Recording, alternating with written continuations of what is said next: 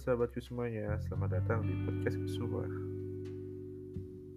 Bersama saya, Adito Kusuma Prayogi. Sini saya akan memberikan informasi tentang grooming atau penampilan diri pada diri kita masing-masing ya teman.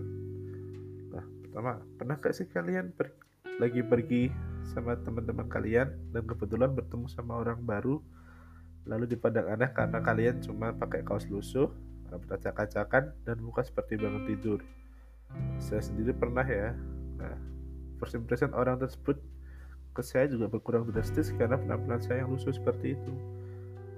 Coba bayangkan kalau seandainya yang kalian temuin itu calon bisnis partner atau gebetan kalian ya. Sayangkan kalau impresi mereka terlalu jelek duluan di awal. Di di sinilah kalian harus tahu pengertian grooming dan bagaimana cara melakukannya secara umum grooming di sini memiliki pengertian secara harfiah yaitu dandan. Tentunya dandan buat pria pastinya berbeda dengan wanita ya. Toh penataan yang digunakan juga berbeda. Menurut Kamus Besar Bahasa Indonesia, kata dandan memiliki dua arti. Yang pertama, mengenakan pakaian dan hiasan serta alat-alat rias. Yang kedua, memperbaiki atau menjadikan baik atau rapi.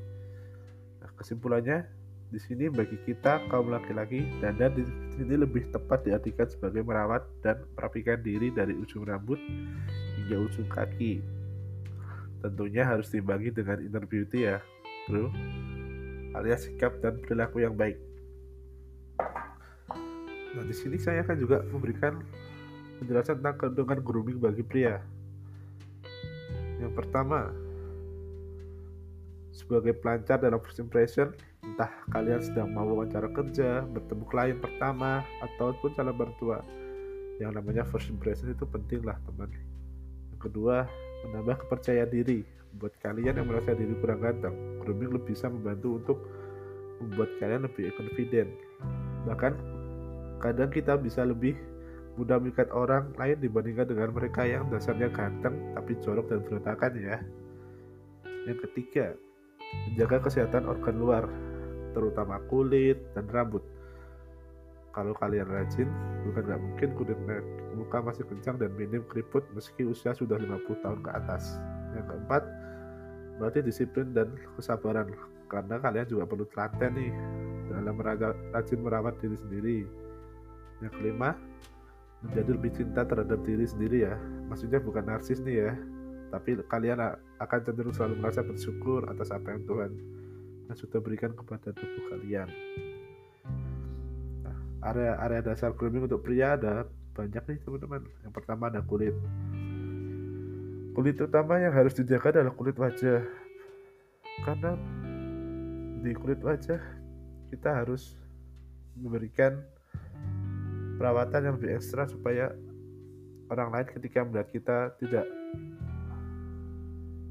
berantakan Nah, yang kedua kulit tubuh. Kulit tubuh jika tidak bisa diabaikan sepenuhnya.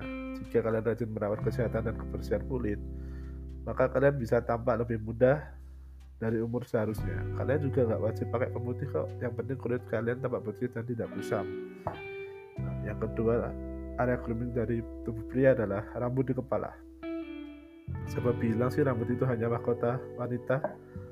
Buat kita para pria rambut juga sangat mempengaruhi penampilan kita guys. Pastikan kalau rambut kalian selalu dicuci bersih minimal dua hari sekali. Rambut termasuk area yang penting dalam grooming. Pertama kalian perlu mencari model rambut yang cocok dengan wajah bentuk wajah kalian. Yang kedua kalian juga bisa pakai gel atau wax atau pomade untuk menata rambut biar tampil makin keren ya Terus yang ketiga area grooming untuk pria adalah aroma tubuh. Aroma tubuh merupakan satu area penting bagi dalam grooming. Coba bayangin kalau kalian ketemu orang kece atau cewek cantik tapi bau badannya menyengat banget, nggak enak pastinya kan? Ingat teman, kalau kalian wangi, orang lain akan lebih betah untuk melihat dan perhatikan apa yang sedang kalian bicarakan kepada mereka. Terus selanjutnya bulu di wajah atau kumis atau jambang. Sebenarnya bulu hidung juga termasuk sih. Umumnya bulu hidung ini disembunyikan dari publik karena mengganggu penampilan. kumis dan jambang itu termasuk area yang tricky dalam grooming ya ada orang yang senang dan tidak senang dengan pria berkumis dan berjambang nah daripada sibuk memikirkan pendapat orang tentunya kalian sebaiknya putuskan sendiri apa kalian ingin berkumis berjambang atau keduanya atau bahkan tidak sama sekali terus uh, sekian gitu dari saya. Kurang lebihnya mohon maaf. Selamat berakhir pekan teman-teman. Dadah